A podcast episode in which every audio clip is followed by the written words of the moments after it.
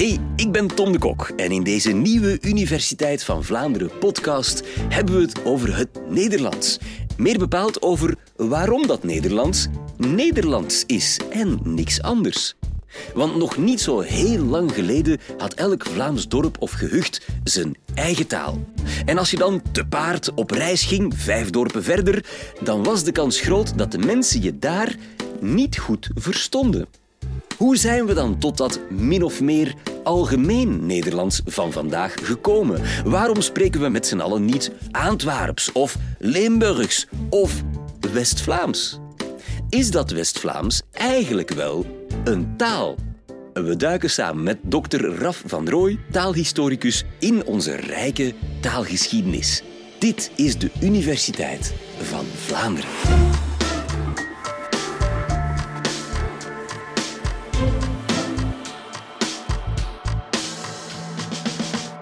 Is het West-Vlaams een taal?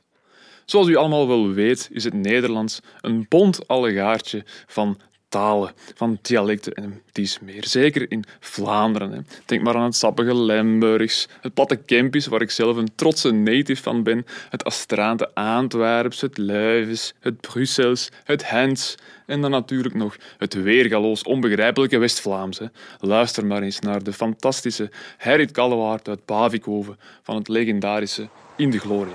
Ja, ik dag zou eigenlijk het volgende willen zijn. Dat dankt me dus echt mijn keel. Dat alle minuten er dan een West-Vlamingen op die televisie komt, dat ze daar direct titels moeten onderzetten. Ik vind dat na te schande dat we velen of de West-Vlaming weer aan het.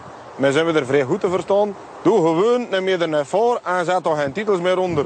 Voilà. Dat zal dat moeten zijn. Onmogelijk te begrijpen toch. Toch voor een Kempenzoon als ik. Nochtans wordt dat West-Vlaams als een vorm van Nederlands beschouwd. Maar als we het niet kunnen begrijpen, kunnen we het dan wel als een Nederlands dialect beschouwen? Of is het misschien een taal apart? En waar ligt die grens tussen taal en dialect eigenlijk? Dat is een kwestie die al sinds de 16e eeuw heel druk wordt besproken. En dat heb ik als historicus van de taalkunde even voor u uitgezocht.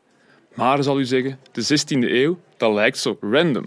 Waarom niet in de 8e eeuw voor Christus? Of in de 19e eeuw, laten we zeggen.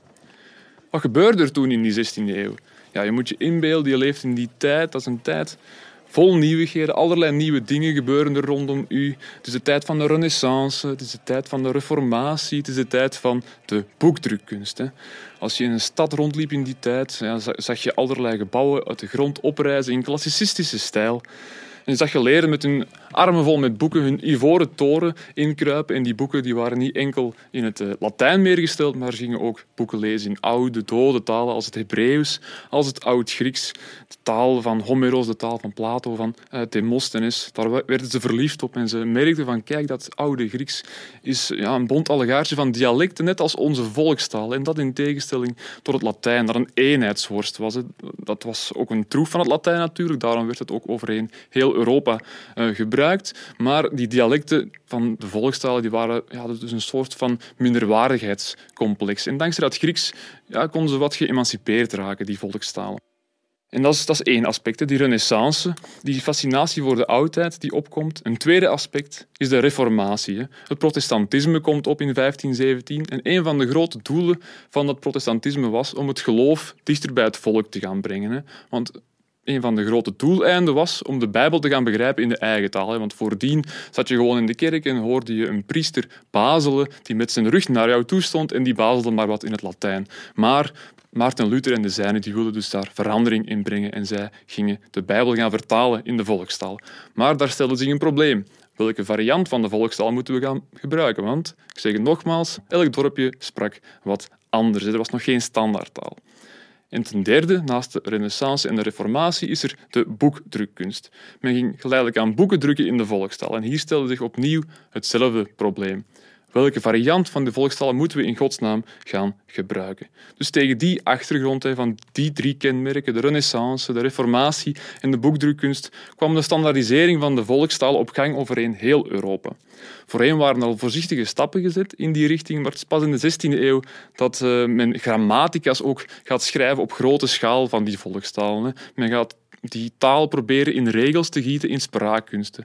En 1492 is hierbij een heel belangrijk jaar. Hè. Dus het is een symbooljaar. Hè. Het is het jaar waarin Christoffel Columbus voet aan wal zette in de nieuwe wereld. Het is ook het jaar waarop de, waarin de Reconquista werd voltooid. Hè. Dus de, de moslims werden voorgoed verdreven uit dat deel van Europa. En nu gaat men daar ook het Castiliaanse Spaans in een grammatica gieten. Antonio de Nebrija die gaat de eigen, een eigen taal vastleggen voor het koninkrijk eh, van Castilië. Ook in Italië is men druk in de weer met debatteren over de volkstaal. Welke variant van het Italiaans moeten we gaan gebruiken? In de zogeheten questione della lingua, het taalvraagstuk. En uiteindelijk valt de keuze op het oude dialect van Firenze, dat onder meer door Dante, uh, Boccaccio en Petrarca uh, zo mooi werd gebruikt. In Duitsland was het vooral Maarten Luther die uh, een grote bijdrage heeft geleverd. Hij heeft gekozen voor de taal van de Saksische kanselarij en dat is de basis geworden voor het latere standaardduits. En in onze contraille kunnen we gaan kijken naar figuren als Simon Stevin uit Brugge. Die kennen we vooral als wiskundige natuurlijk, maar hij had ook een hele hoge hoed op van het Nederlands. Hij heeft in 1586 zelfs een lofzang op het Nederlands gepubliceerd, een uitspraak van de weerdigheid der Duitse taal. Hij noemde het Nederlands het Duits, ook het Neder, het Duits. En hij wilde dus ja, werken aan een eengemaakt Nederlands. Want elk dorp sprak wat anders. Hij wilde daar verandering in brengen. Hij wilde ook het Nederlands een duidelijk aparte, afgebakende status gaan verlenen. En dat deed hij door een eigen jargon, een eigen technische taal te gaan ontwikkelen Denk maar aan bijvoorbeeld het woord wiskunde zelf. Hè. Dus als Nederlands, ja, de Nederlandse taal is daar redelijk uniek in. Hè. Andere, alle andere talen die hebben woorden die afgeleid zijn van het Latijns, Griekse samenraapsel mathematica. Dus mathematiek in het Duits, mathematics in het Engels en uh, ga zo maar voort. Maar het Nederlands heeft dus wiskunde. Want wat heeft die Stefan nu gedaan? Die dacht gewoon, ah, mathematica ars. Ik ga er een mooi Nederlands woord van maken. Ars, kunst. En mathematica ja, is een afleid van een Grieks woord voor weten. Weten. Dus de kunst van het weten, de wiskunsten. Dat zijn later wiskunde uh, geworden. Dus hij wilde woorden van inheemse kom af, uit een drang naar taalpurisme. Hij was een echte taalpurist. En dat vernederlandse van de woordenschat hielp om er een aparte taal van te maken. Dus die standaardiseringsbeweging van die volkstaal die, ja, begint op stoom te komen in de 16e eeuw. En uh, ja, dat is ongeveer gelijktijdig, maar het verloop is wel wat anders. Het duurt ettelijke eeuwen vooraleer die standaardtaal overal uh, geïntroduceerd geraakt en overal algemene ingang vindt. Maar in de 16e eeuw wilde men dus standaardtaal gaan ontwikkelen, maar er was één groot probleem. Er is namelijk heel veel taalvariatie zonder duidelijke grenzen. Als je van het Heilige Roomse Rijk, het toenmalige Duitsland, reisde naar onze contraien, naar de lage landen, dan kwam je niet plots een grens tegen waar men rechts Duits sprak en links Nederlands, maar nee, elk dorpje, als je dan reisde van dorp naar dorp, daar sprak men wat anders. Op een gegeven punt zei men niet langer ik, maar ik. En enkele kilometers verderop zei men dan in plaats van apfel, appel. En zo heb je een hele waaier aan lijnen waar kleine veranderingen waar te nemen zijn, in plaats van één duidelijke grens. Dat noemt men ook de Rijnse waaier in de taalkunde. En dat heeft dus ja, een enorm probleem opgeleverd hè, voor die taalkundigen. Welke taalvorm ga je kiezen voor je standaardtaal? En hoe maak je een onderscheid tussen die standaardtaal en de rest als er geen duidelijke grenzen zijn?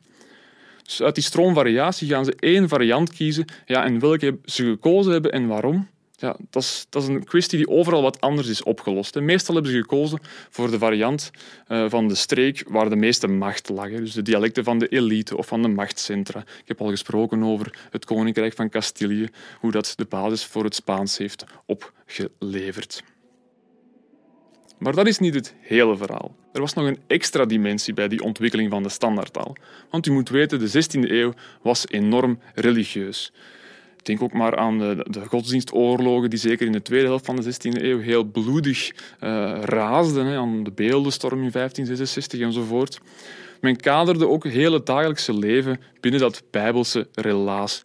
En ook taal ging men kaderen binnen het verhaal dat men in de Bijbel kon lezen. Want in de Bijbel was er natuurlijk het verhaal van de toren van Babel. En volgens een populaire lezing van die passage was er dus één oertaal voor de bouw van de toren van Babel en die oertaal identificeerde men meestal met het Hebreeuws. Ook al zegt de Bijbel dan niet meer zoveel woorden. Hè. Maar natuurlijk het feit dat het Oude Testament in het Hebreeuws was geschreven, was wel een dikke tip. En aan die toren van Babel heeft God de arrogante mensen dan verstrooid in 72 volkeren met elk hun eigen talen. Maar in de 16e eeuw, ook al was die dan zo religieus, gaat men toch geleidelijk aan dat bijbelse kader uh, in vraag stellen. In het bijzonder gaat men daar twee vragen stellen. Was het Hebreeuws wel de oertaal, ten eerste? En ten tweede, waren er wel maar 72 talen? Die eerste vraag die werd heel origineel opgelost door de humanist Johannes Goropius Becanus uit Hilvarenbeek, die vooral in Antwerpen actief was als arts, maar ook een taalkundige was hij. Die ging zeggen dat niet het Hebreeuws, maar wel het Nederlands de oertaal was. En hij ging die hypothese onderbouwen, ironisch genoeg, in lijvige Latijnse werken. Maar dat heeft natuurlijk te maken met zijn doelpubliek. Hij schreef niet voor Jan met de pet, Jakke met de klak in de straat, maar wel voor de geleerde republiek, voor alle mensen, alle geleerden eh, overheen heel Europa, want hij wilde dat zijn denkbeelden eh, algemene ingang vonden. Natuurlijk werd hij overal geridiculiseerd, maar toch heeft hij een heel belangrijke bijdrage uh, geleverd aan het debat over die oertaal, over de eerste taal van de mensen. Want hij heeft wetenschappers geprikkeld om na te denken of het Hebreeuws nu wel echt de oertaal was. En zo ging elke taal gaan meedingen naar die titel van oertaal. Bijna elke Europese natie heeft wel eens geclaimd dat zij de oertaal uh, spraken. En dat was deel van een race om een duidelijk afgebakende status voor de eigen standaardtaal te gaan claimen en liefst zo hoog mogelijk op de taalladder. Dus dat is één aspect dat in vraag wordt gesteld. Was het Hebreeuws wel de oertaal? En anderzijds waren er wel maar 72 talen. Je moet je inbeelden, je leeft in die tijd. Je horizon die verbreidt enorm, want er bereiken je berichten over een nieuwe wereld in het Westen die ontdekt is geweest en waar missionarissen geconfronteerd werden met een hele hoop inboorlingen, om het zo te zeggen, tussen aanhalingstekens, die een, ja, een bond allegaartje aan talen uh, spraken en men moest dan gaan proberen om die inwoners te gaan kerstenen, om die te gaan bekeren tot het christendom. En om dat te doen gingen ze die talen leren en ook ja, de Bijbel gaan vertalen naar die uh, talen. En ze beseften al snel van, ja, kijk, er moeten toch veel meer dan 72 talen zijn. Ook uh, drongen ze verder door tot in Azië, tot in Afrika. Ze zagen daar meer en meer volkeren, die ook allemaal hun eigen taal hadden. En ze beseften van, ja, er moeten toch echt wel veel meer dan 72 talen zijn. Maar toch was er nog een zeker conservatisme in hun denken, want ze gingen allerlei kunstgrepen uithalen om dat getal 72 toch te blijven handhaven. Ze gingen zeggen van ja, kijk, er zijn 72 stamtalen en al de rest zijn maar dialectjes. Bijvoorbeeld het Hebreeuws, het Grieks, het Latijn, dat zijn echte talen. Maar het Frans bijvoorbeeld, dat is maar een verbastering van het Latijn. Op zijn best misschien een dialectje.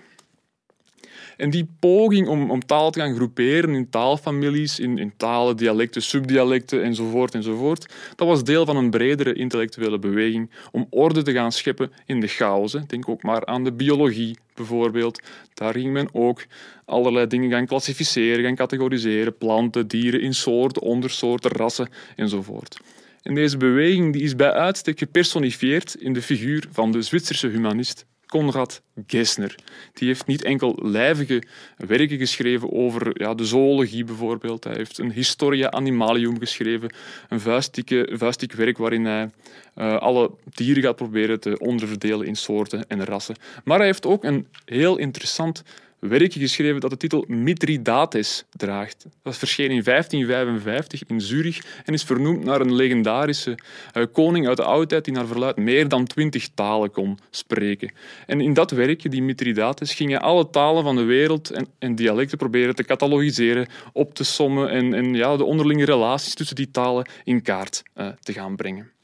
De 16e-eeuwse geleerden die probeerden alles, dus ook taal, in hokjes te gaan duwen.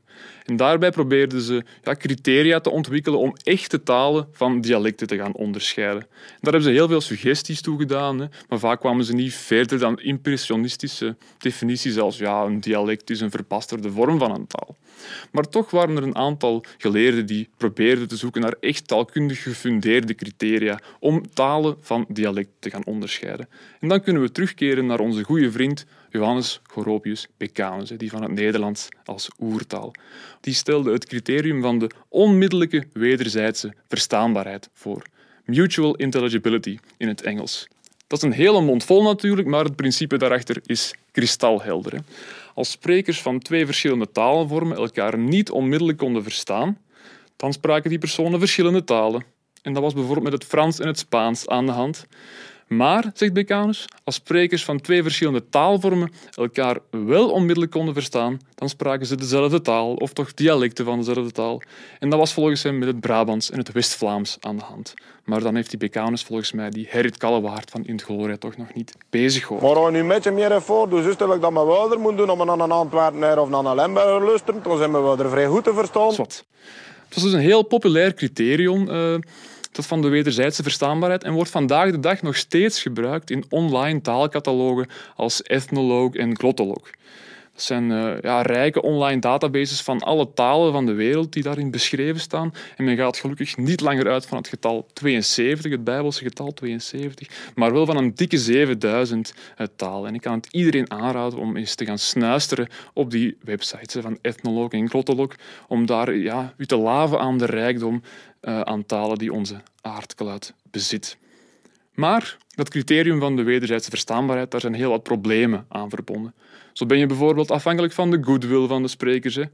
Als je bijvoorbeeld negatief bevooroordeeld bent ten opzichte van West-Vlamingen, die West-Vlaamse boerkes, dan kan je misschien minder bereid zijn om die mensen te gaan verstaan. En de VRT suggereert dat misschien ook wel enigszins door consequent die West-Vlamingen te gaan ondertitelen.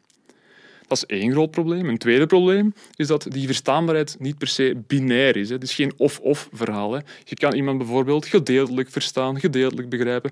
Ik heb van die Herrit Kallewaard misschien toch her en der een woordje of ja, een deel van een zin uh, begrepen. Dus taalvariatie is een kwestie van gradatie. Het is een gradueel gegeven, het is dus geen of-of kwestie. Vandaar ook dat veel taalkundigen het onderscheid tussen taal en dialect hebben afgedaan als zuiver politiek. Een taal is een dialect met een leger en een vloot, luidt een bekend gezegde. Bijvoorbeeld het Zweeds en het Deens worden maar als talen beschouwd omdat er landen zijn die claimen dat het talen zijn, terwijl sprekers van deze talen elkaar toch tot op zekere hoogte kunnen uh, verstaan. Daarom, taalkundigen gaan dat hokjesdenken meer en meer aan banden proberen te leggen. Want taal is constant in flux, constant aan het variëren en vaak moeilijk af te pakken. Het is geen gesloten ding, maar een flexibel open systeem dat zich constant aanpast aan de omstandigheden. Dus als we dan terugkeren naar de, de vragen, is het West-Vlaams een taal of is het ja, een dialect of toch nog iets anders? Daar kunnen we dus geen sluitend antwoord op bieden. Taalkundigen zijn het gewoon niet eens over wat een taal is en wat een dialect is. Want het blijkt gewoon onmogelijk om een taal met die twee begrippen af te bakenen. De grenzen van taalvormen zijn gewoon niet vast te leggen. Het West-Vlaams is in elk geval niet de standaardtaal geworden. Maar waarom niet? Of waarom bijvoorbeeld het Zuid-Limburgs niet? Of mijn geliefd Kempisch? Dat is een toevalligheid. De elite van de late 16e eeuw die spraken nu eenmaal geen West-Vlaams, ook al had Simon Stevij dat misschien wel uh, gewild. Nee, die spraken varianten van het Hollands en van, ook wel van het Brabants. Dat is ook de basis geweest voor, voor de grammatica's die dan geschreven werden in die tijd. De eerste gedrukte grammatica van het Nederlands die kwam in 1584 van de pers. Maar het heeft eeuwen geduurd voordat de standaardtaal in gebruik werd genomen. Initieel was het vooral een geschreven die, die de elite gebruikt om onder meer wetteksten te gaan schrijven, om literaire werken in te boekstaven, ook om bijbelvertalingen in, uh, neer te schrijven.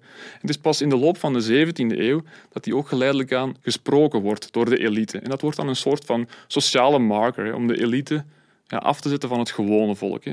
Dus daar voordien sprak de elite gewoon het lokale dialect. En die verspreiding van die standaardtaal die gaat dus enorm traag. Want denk eraan, in die uh, periode was er nog geen radio, was er nog geen tv en zeker ook geen massa-onderwijs. Onderwijs was er alleen voor de gegoede klassen.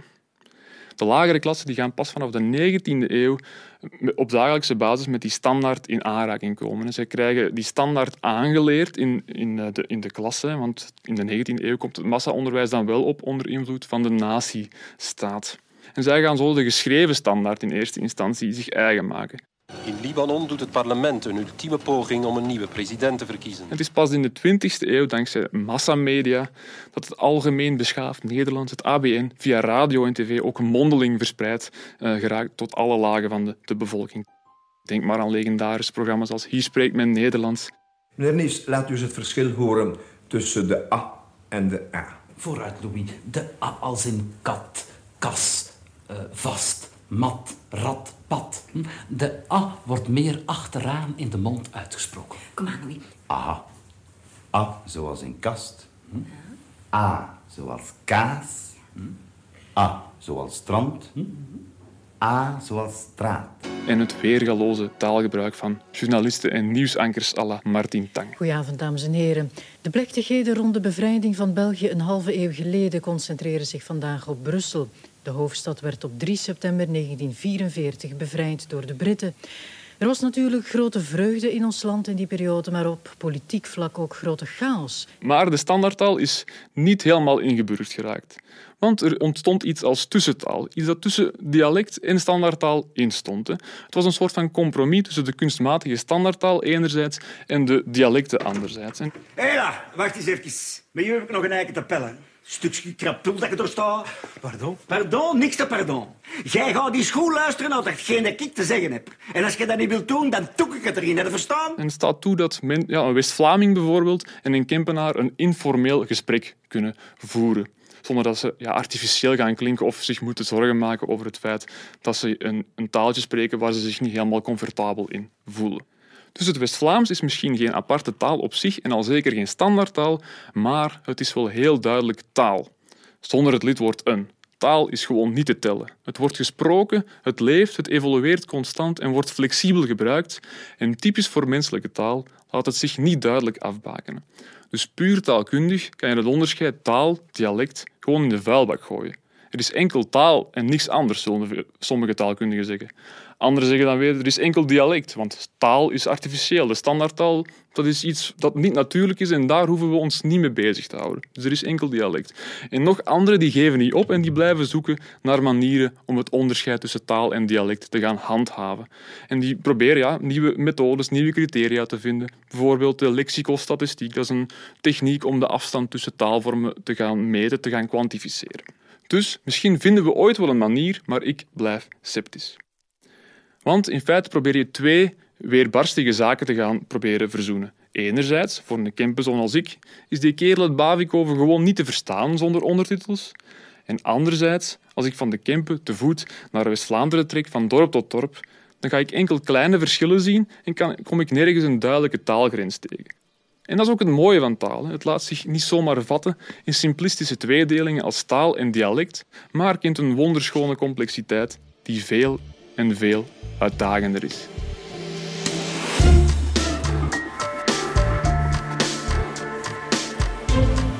Schitterend. Ik heb jou goed verstaan. Alleen weet ik niet wat ze daar in Bavikoven van, van gaan vinden. Mogen we dan eigenlijk zeggen dat de 16e eeuw de eeuw is waarin de mens geprobeerd heeft om taal te temmen. Want daarvoor was het eigenlijk was dat iets dat bestond en organisch groeide, waar niemand zich veel vragen bij stelde, bij manier van spreken. Maar toen hebben we het proberen te muilkorven. Ja, dat klopt eigenlijk wel, om daar een zekere regelmaat in proberen te, te, te, brengen. Want voordien, ja, die volkstaal, dat was een, een, ja, een, een bonte bende waar, waar men ja, kop nog staart om kon krijgen. Maar dankzij, ja, onder meer dankzij de herontdekking van het Grieks, ik ben van opleiding ook klassicus, um, is men gaan beseffen van ja, die volkstalen die hebben toch een aantal kenmerken die toch wel uh, ja, niet moeten onderdoen voor de grote klassieke talen als het Latijn, het Grieks en het Hebreeuws. En op die manier ja, is men gaan nadenken, ah, het Grieks heeft ook een, een lidwoord en onze volkstaal hebben dat ook en het Latijn had dat niet bijvoorbeeld. Ja, dus onze volkstalen die verdienen het ook om, om uh, ja, in, in, in regels, in grammaticas gegoten te worden. Dus ik vind het een hele mooie omschrijving eigenlijk wel, Tim, zoals ik het nog nooit uh, als metafoor gezien, maar ze, ze proberen het in regels te gieten. En dat is, dat is uh, een grote innovatie van die, van die 16e eeuw. Het begint dus in feite op het einde van de 15e eeuw, maar komt in de 16e eeuw op volle stoom. Ja. En er zijn dus een aantal, een aantal sleutelfiguren die daar keuzes in gemaakt hebben, waar wij niet democratisch voor gestemd hebben, dus die, die eigenlijk vanuit hun vakgebied daar keuzes in gemaakt hebben. Waren er ook um, runner-ups? Hadden we ook met een heel andere taal kunnen eindigen dan, dan waar we vandaag mee zitten? Goh, dat is een interessante vraag. Is alternative history.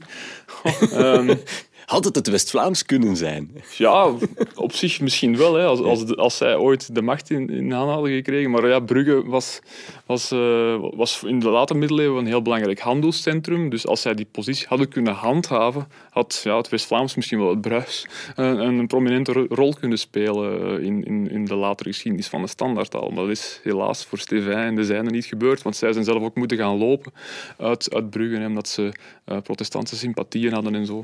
Het West-Vlaams, dat bestaat niet, hè, want je hebt gewoon een verzameling van, van dorpen en steden die ja, een taal spreken die niet 100% hetzelfde is. Dus er zijn kleine verschillen. En dat is ook wat er in de 16e eeuw dus gebeurd is. Hè. Men is die verschillen gaan overstijgen en proberen één eenheidstaal te gaan uh, creëren. En meestal kiest men dan ja, dialecten van, van één bepaalde regio, maar soms zijn er ook ja, om, om het, alle dialecten wat te kiezen. Hè. Er, in de 16e eeuw zijn er ook andere voorstellen geweest, in, in, in het, voor Nederlands bijvoorbeeld. Hè. Er is een zekere Pontus de Huiter geweest en die, die ging gewoon proberen ja, van alle dialecten wat te nemen. Dus om een soort van, van uh, lappendeken van, van, van taal. Een soort Esperanto van het Nederlands ja, heeft hij eigenlijk gemaakt. Zoiets, ja, Grappig. Ja. Oké, okay, Als, als dat het gehaald had, hadden we nu een heel andere taal ja, elkaar ja, ja. Toch spijtig dat het Kempisch geen wereldtaal geworden heel is. Heel spijtig. Taalhistoricus Dr. Raf van Rooij, dankjewel voor deze zeer boeiende uiteenzetting. En heb jij een vraag uh, die maar door je hoofd blijft knagen, eender wat, leg het voor aan de wetenschap. Stuur ze naar de redactie via info.universiteitvanvlaanderen.be en dan zoeken wij uit wat de wetenschap erover zegt. Tot een volgende keer.